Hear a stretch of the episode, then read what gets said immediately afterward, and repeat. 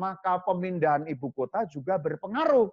Karena tahun 300-an itu Romawi sudah menjadi Kristen, sehingga Konstantinopel menjadi kota penting juga di dalam wilayah kekristenan. Ini adalah pengantar umum untuk mereka yang kurang mengetahui mengenai kekristenan timur dan terutama Katolik timur. Kalau Anda menyimak pembicaraan saya ini, horizon Anda akan lebih luas horizon mengenai kekatolikan. Karena memang di Indonesia ini, karena Indonesia itu hanya ada Katolik Roma, hanya ada Katolik Latin, maka biasanya wawasan orang Katolik Indonesia itu sempit terkait dengan kekatolikan. Jadi tahunya itu hanya segini. Padahal kekatolikan jauh lebih luas daripada sekedar Katolik Roma atau Katolik Latin. Kita sekarang bicara pada tema ya, jadi apa yang dimaksud barat dan timur dalam kerangka ini? Saya akan pelan-pelan uraikan supaya Anda memahami dulu kategori barat dan timur dalam obrolan mengenai gereja itu apa yang dimaksud. Nah inilah pembagian pada zaman kuno yang pada awalnya mengacu pada pembagian wilayah yang namanya kerajaan Romawi.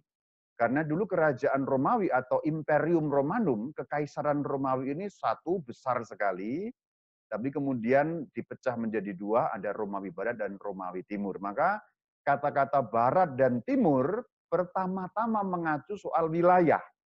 Jadi wilayah di mana ada kekaisaran Romawi. Berarti Barat itu pada umumnya mengacu pada wilayah Barat, kekaisaran Romawi, Timur mengacu pada wilayah Timur, kekaisaran Romawi. Romawi Barat dan Romawi Timur. Jadi awalnya memang barat dan timur mengacu pada betul-betul wilayah. Dan acuannya adalah kerajaan Romawi atau kekaisaran Romawi. Ini awalnya hanya murni soal wilayah pada awal mulanya. Tapi kemudian karena kekristenan itu masuk dalam wilayah-wilayah Romawi, kita harus ingat bahwa awal mula Injil diwartakan terutama di dalam wilayah kekaisaran Romawi, terutama. Memang keluar juga ada yang sampai ke wilayah-wilayah keluar kekaisaran Romawi, tetapi terutama kota-kota yang disinggahi oleh para rasul, kota-kota yang disebut dalam perjanjian baru, kota-kota yang disebut dalam kisah para rasul, itu kota-kota yang termasuk dalam wilayah kekaisaran Romawi. Dan konteks kekaisaran Romawi itu kemudian menjadi Kristen. Ya, awalnya penganut paganisme, penyembah dewa-dewa, ya dewa-dewi ini dan itu, tapi kemudian akhirnya toh menjadi Kristen. Dan wilayah barat dari Kekaisaran Romawi itu menggunakan bahasa Latin. Nah, ketika kita sudah ngomong konteks kekristenan atau kekatolikan, istilah barat itu kemudian diidentikan dengan istilah wilayah Latin, wilayah yang menggunakan bahasa Latin. Maka kalau kemudian istilahnya dikenakan menjadi istilah kekristenan, Kristen Barat itu bisa juga disebut Kristen Latin. Atau Katolik Barat itu bisa disebut Katolik Latin. Atau kota yang paling utamanya adalah kota Roma, maka acuannya juga kota Roma. Maka juga disebut juga Katolik Roma. Maka Katolik Barat sama dengan Katolik Latin, karena bahasanya yang dipakai Latin, sama dengan Katolik Roma karena kota yang utama di wilayah barat adalah kota Roma. Kemudian wilayah timur itu mengacu pada kekristenan timur yang menggunakan lebih dari satu bahasa. Kalau di wilayah barat pada umumnya memang seragam yaitu Latin. Karena dulu ya semua wilayah itu berbahasa Latin. Memang ada bahasa daerah kecil-kecil kecil-kecil ya, misalnya bahasa Jermania, bahasa Frank ya dan sebagainya itu termasuk bahasa Anglo tetapi pada umumnya Latin digunakan di mana-mana. Sementara itu di wilayah kekristenan timur, itu bahasanya ada lebih banyak lagi. Ada bahasa eh, Yunani, ada bahasa Armenia, ada bahasa Syria. Maka kemudian kalau bicara mengenai kekristenan timur, itu peribadatannya lebih bervariasi dalam arti bahasa yang digunakan dan ritus-ritusnya. Maka ada ritus Bizantin, Antioquia, Kaldea, Armenia, dan Koptik. Jadi kalau kita ngomong tentang Katolik Barat dan Katolik Timur, intinya adalah seperti ini. Intinya. Singkatnya, kalau kita ngomong Katolik Barat itu apa sih? Katolik Barat adalah Katolik yang dalam ritusnya menggunakan bahasa Latin. Maka Katolik Barat disebut juga Katolik Latin. Disebut juga Katolik Roma, karena kota yang paling utama adalah kota Roma. Kalau Katolik Timur itu apa? Katolik yang dalam ritusnya menggunakan ritus-ritus Timur. Bizantin, Armenia, Antioquia, Kaldea, dan Koptik. Jadi inilah Katolik Barat dan Katolik Timur. Ini sudah selesai, tapi ini pengantor yang sangat umum dan pasti Anda masih bingung. Yang belum pernah belajar pasti masih bingung karena ini masih sangat umum. Maka kalau mau tidak bingung lagi, ikutilah selanjutnya. Jadi perlahan-lahan kita ikuti supaya nanti Anda sampai pada kesimpulan yang benar dan lebih luas lagi horizon Anda. Kenapa kok ada barat, ada timur? Sejarah singkatnya seperti apa? Pertama-tama kita harus kembali kepada awal penyebaran Injil. Jadi awal penyebaran Injil karena Sang Kristus memerintahkan. Dan mereka harus menyebar. Kenapa kok harus menyebar? Karena memang perintah Sang Kristus seperti itu. Kita lihat Matius 28 ayat yang ke-19. Karena itu pergilah jadikanlah semua bangsa muridku, dan baptislah mereka dan seterusnya. Jadi perkataan jadikanlah semua bangsa muridku berarti kan semua bangsa itu kan berarti seluruhnya. Artinya apa? Ya harus menyebar dalam hal ini. Harus menyebar. Ini dipertegas lagi di dalam kisah Rasul 1 ayat 8. Kamu berarti para rasul akan menjadi saksi-saksiku di Yerusalem, di seluruh Yudea dan Samaria dan sampai ke ujung bumi. Inilah kenapa Injil menyebar ke mana-mana. Karena memang diperintahkan untuk sampai ke ujung bumi, berarti memang harus menyebar. Nah ketika menyebar itu saudara-saudari, pastilah bertemu dengan aneka kebudayaan. Karena kan awalnya di Yerusalem, kemudian hanya sekitar Yudea, kemudian keluar sedikit Samaria, akhirnya sampai ke bangsa-bangsa lain. Jadi kan ketemu dengan aneka bahasa, aneka budaya yang tidak lagi sama dengan bahasa dan budaya orang Yahudi. Jadi tidak hanya di Yerusalem terus, kemudian mereka keluar kan, keluar ke berbagai kota, bahkan kita tahu tidak usah menggunakan penelitian sejarah, arkeologis, historik, kita dengan buka Alkitab saja sudah tahu Kota-kota yang dikirimi surat oleh Rasul Paulus itu kota-kota di luar Yerusalem. Kota-kota di luar wilayah Yahudi. Sebut saja yang mana pun, kota yang mana pun itu. Yang pertama, Roma, itu sudah jelas jauh sekali.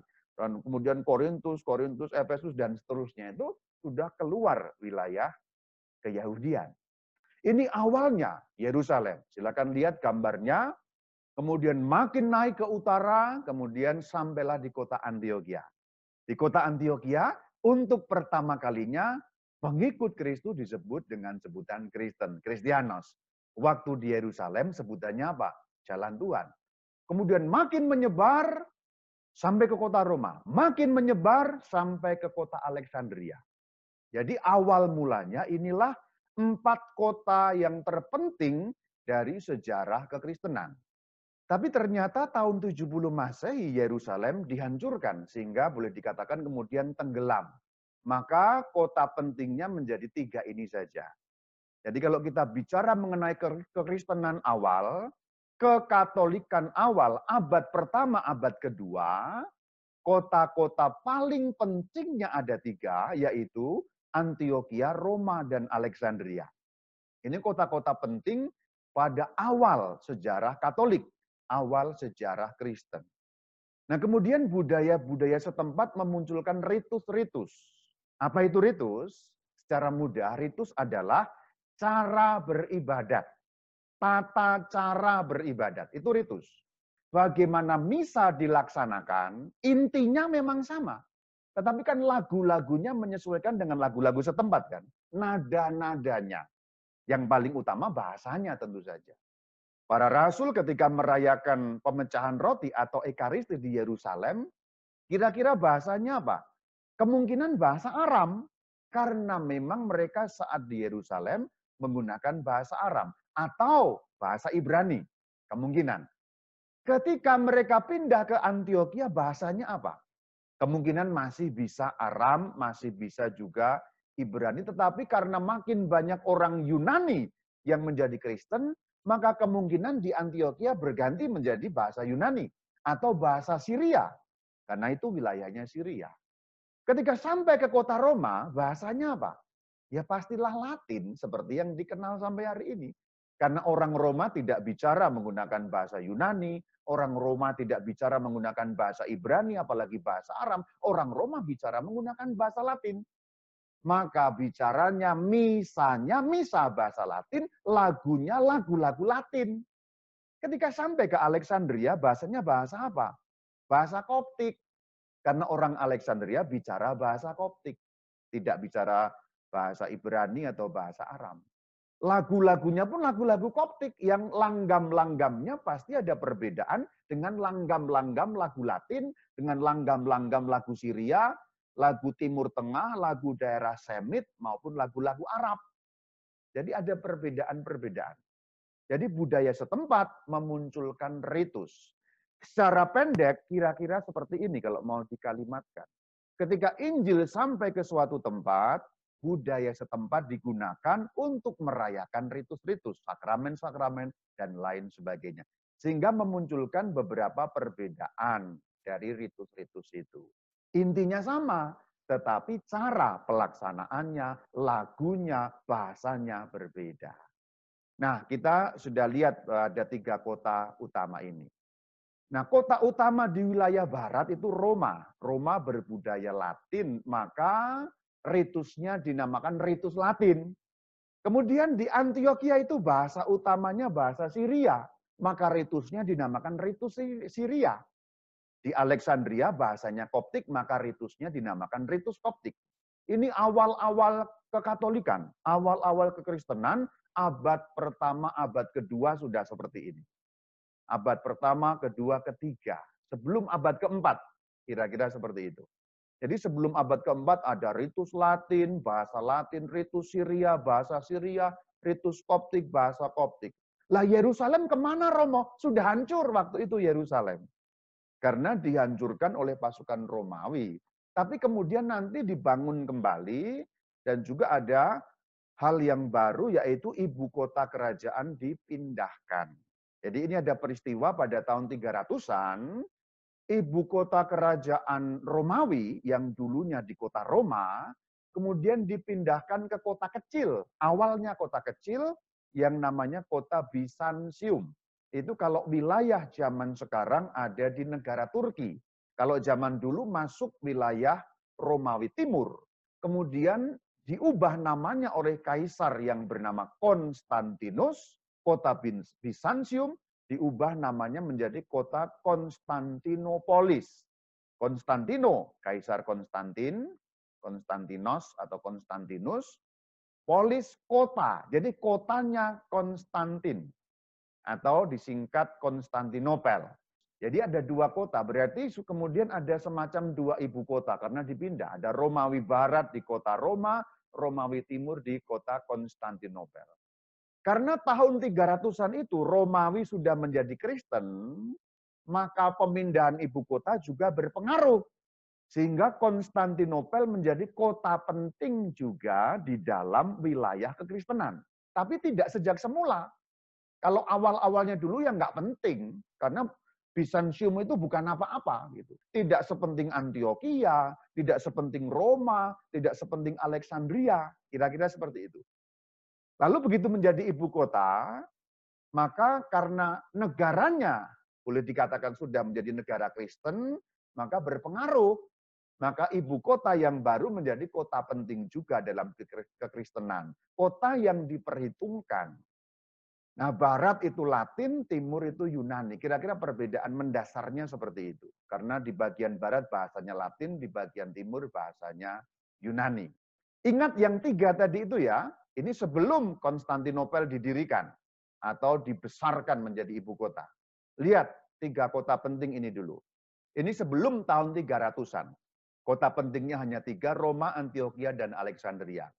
Lalu kemudian tahun 300-an Konstantinopel menjadi kota penting untuk kekaisaran Romawi, tapi kemudian menjadi kota penting juga untuk kekristenan atau kekatolikan.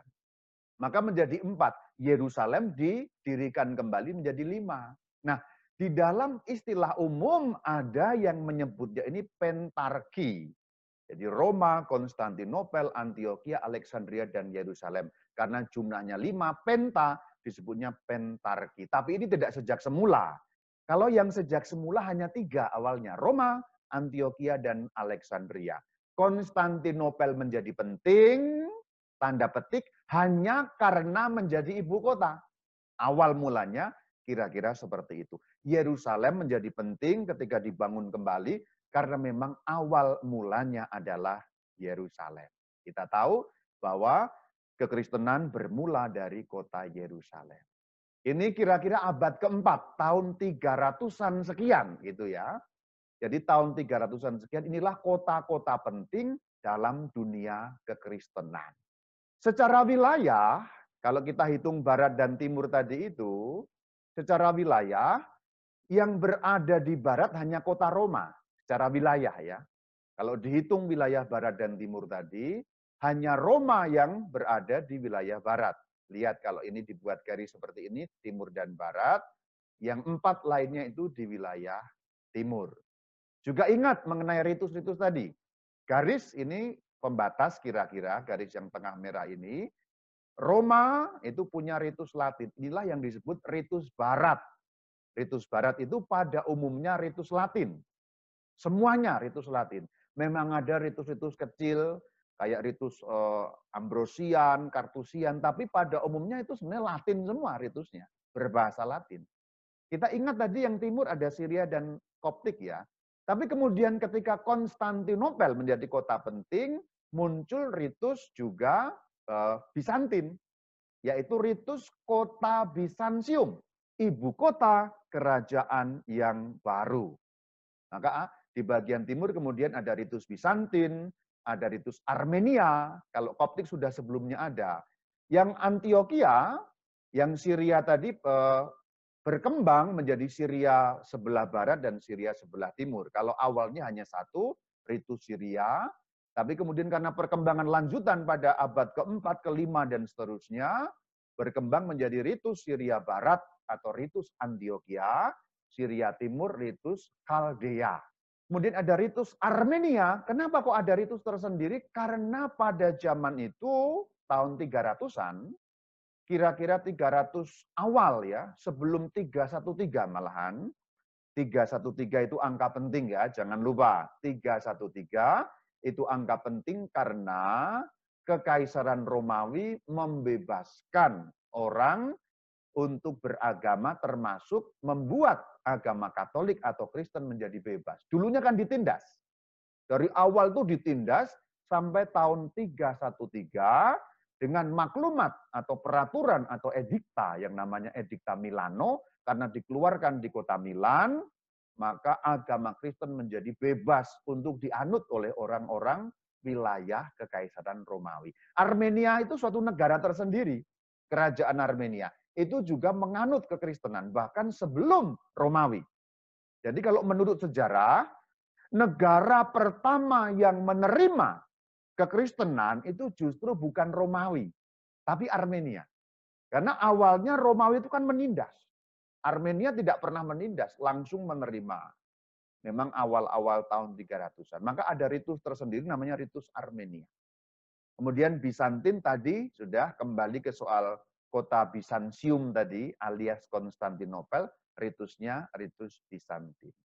Maka kira-kira seperti ini saudara-saudari. Di bagian barat itu hanya ada satu ritus besar, yaitu ritus Latin. Memang seperti saya katakan, ada sub-sub ritus kecil-kecil, tapi boleh dikatakan Barat itu satu. Disatukan oleh kesamaan ritus, semuanya Latin. Ya kalau mau rinci memang ya ada yang kecil-kecilnya itu betul, tapi itu semua dipayungi dalam payung besar Latin.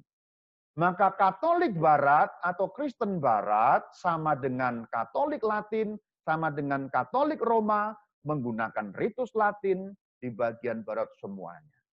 Jadi pada zaman itu kalau misal di kota Roma, misal di London, misa di Pari, misa di Portugal ya itu sama, misa di Jerman ya Latin semuanya. Tetapi di timur agak bervariasi. Kalau tahun 300-an, eh, 400-an, abad keempat, kalau kita misa di Mesir ya akan pakai ritus koptik, bahasa koptik, lagu-lagu koptik. Kalau misalnya di Antioquia akan menggunakan ritus Antioquia atau Syria Barat. Kalau misalnya di Babilonia, di sekitar Baghdad sekarang kira-kira, itu akan menggunakan ritus Kaldea. Kalau misalnya di dekat pegunungan Ararat, itu Armenia ya, itu akan menggunakan ritus Armenia, bahasa Armenia, lagu-lagu Armenia. Kalau Anda misa di wilayah Turki, misalnya, Turki sekarang, dulu belum ada Turki tentu saja, di kota Konstantinopolis pakai ritus Bizantin. Jadi Barat agak seragam, boleh dikatakan begitu, seragam Latin, Timur agak bervariasi. Yang baru mendengar itu kebingungan mengenai cerita ini. Karena mengira Katolik itu benar-benar satu dalam tata cara beribadah. Karena di Indonesia memang hanya kenal Katolik Barat atau Katolik Latin. Sehingga bingung gitu. Sampai ke Indonesia itu kan belum lama. Yang awal tadi kita bicarakan ini abad keempat, tahun 300-an gitu ya. Abad keempat, tahun 300-an, abad kelima gitu ya. Nah ke Indonesia itu baru abad ke-16. Franciscus Saverius awal mulanya ke Maluku. Kemudian terputus, baru nanti mulai lagi abad 19, abad 20 dengan para misionaris Belanda. Nah, yang datang ke Indonesia itu Katolik dari wilayah barat yang ritusnya Latin. Maka Indonesia tahunnya hanya Katolik itu ya Katolik Latin, Katolik Roma, Katolik Barat. Dan untuk Katolik Bizantin, Antioquia, Koptik, Armenia, Kaldea tidak ada contohnya di Indonesia, terutama untuk kekatolikan. Memang yang untuk sisi ortodoks sekarang mulai ada itu betul tapi hierarkinya belum ada, maka dianggap belum ada. Dianggap dalam arti karena hierarkinya tidak ada. Ya kecil-kecil sangat mikro lah jumlahnya. Apalagi yang Katolik pun sebenarnya sudah ada. Ya, misalnya yang ritus Bizantin di Jakarta itu sudah ada beberapa, tapi jumlahnya sangat mikro. Tapi pendek kata di Indonesia ritusnya kan berasal dari barat. Maka misa yang dikenal misa cara Latin, misa cara Roma, misa cara barat.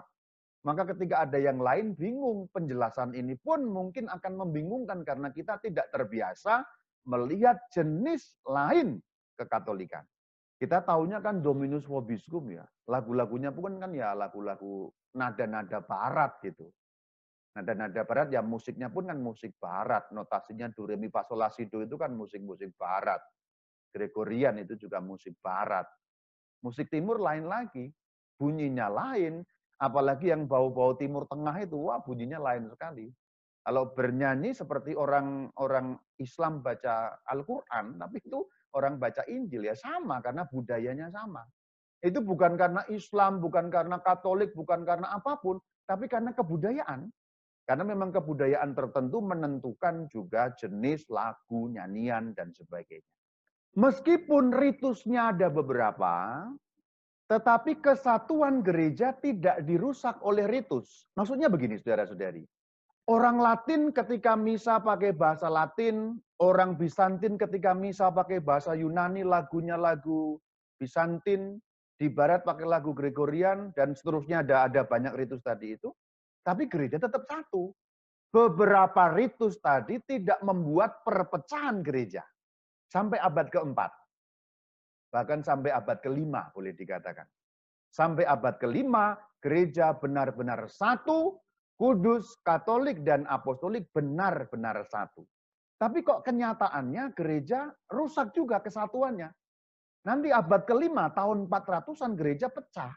Tapi sebenarnya perpecahan pertama-tama bukan karena ritus yang banyak ini. Jadi gereja itu mengalami ratusan tahun berbeda ritus tetapi tidak masalah gitu loh. Jadi berbeda ritus tapi tidak masalah. Malah beberapa paus itu berasal dari ritus timur, jadi nggak masalah juga, nggak masalah. Beberapa paus berasal dari orang-orang wilayah timur. Kadang-kadang eh, orang itu pindah ke wilayah yang jauh sekali dan nggak menjadi masalah. Saya beri contoh, seorang bapak gereja yang bernama Santo Irenius atau Hagios Irenaios, ya, Santo Irenius, itu orang dari daerah timur, di wilayah Katolik Timur, tetapi kemudian beliau menjadi uskup di wilayah barat. Ada yang tahu uskup mana? Uskup Lyon.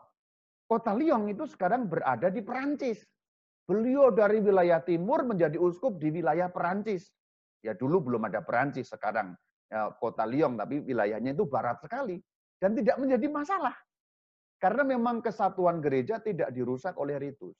Tapi nyatanya memang kesatuan gereja rusak. Nah ini pecah menjadi empat sampai pada tahun seribuan itu kemudian pecah menjadi empat. Mulainya dari tahun 400-an. Ini sudah saya upload di YouTube dengan judul Gereja Apostolik atau empat Gereja Apostolik. Jadi gereja itu akhirnya pecah menjadi empat.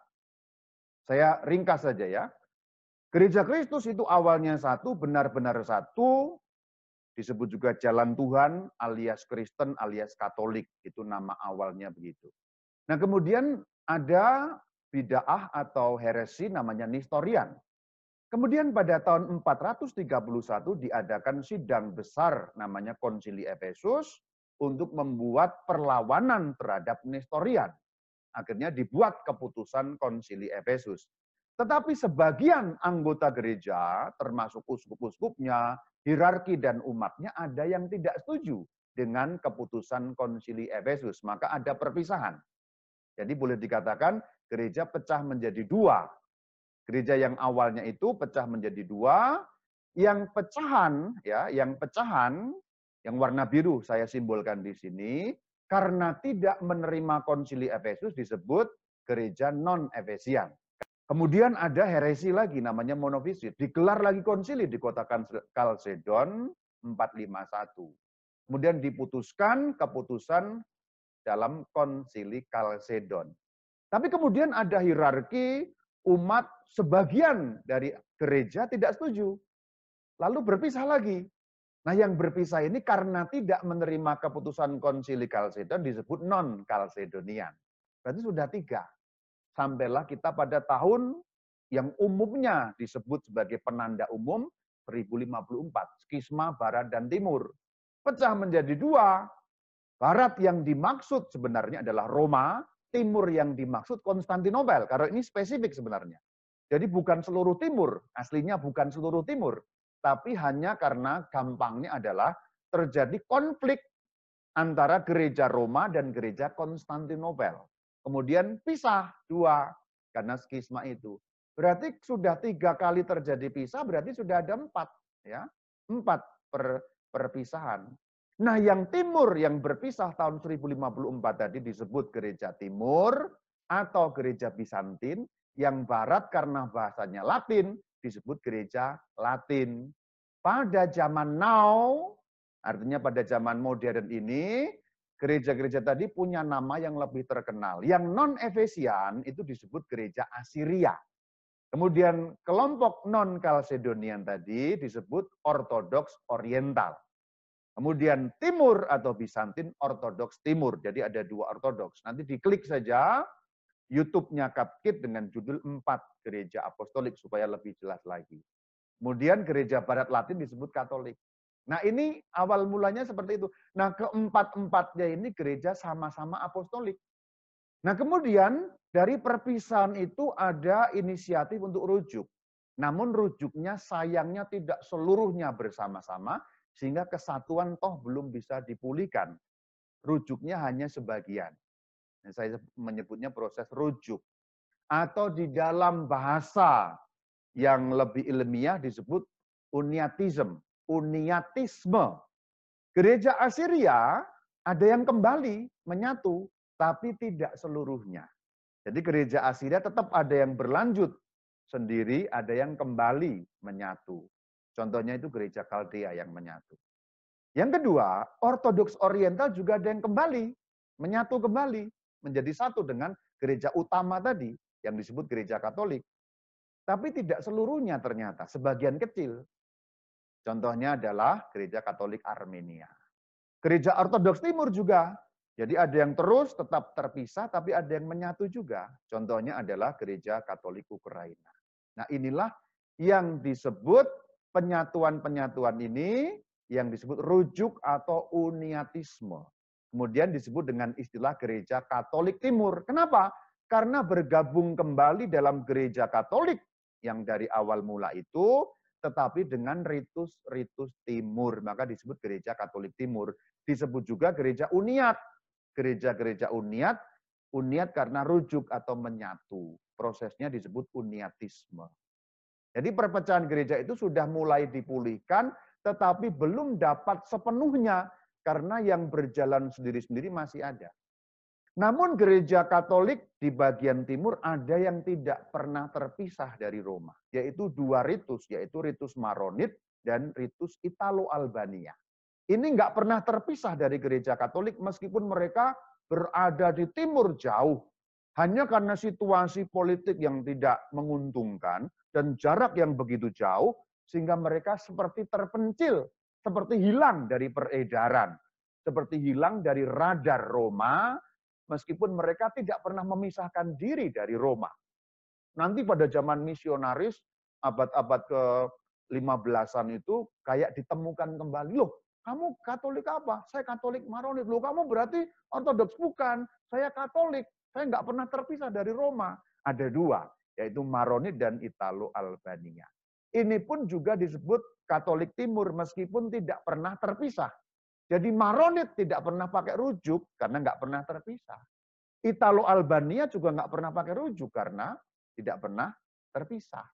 Jadi Katolik Timur itu dua unsur sebenarnya. Yang pernah terpisah, kemudian rujuk, uniat namanya, dan juga ritus-ritus timur yang tidak pernah terpisah. Nah inilah Katolik Timur secara keutuhan itu seperti ini. Jadi berbagai macam gereja itu, saya tidak akan merinci dulu, karena kalau dirinci ada, banyak dan akan membingungkan. Tapi intinya begini, gereja Katolik di bagian timur tadi ini, entah yang tidak pernah terpisah, entah yang kemudian uniat, itu ritusnya salah satu dari kelima ritus ini. Yaitu Bizantin, Armenia, Antioquia, Kaldea, Koptik. Contoh gereja Katolik Kaldea, ritusnya apa? Kaldea. Gereja Katolik Ukraina, ritusnya apa? Bizantin. Gereja Katolik Armenia, ritusnya apa? Armenia. Saya tidak akan merinci lebih rinci karena ini pengantar umum.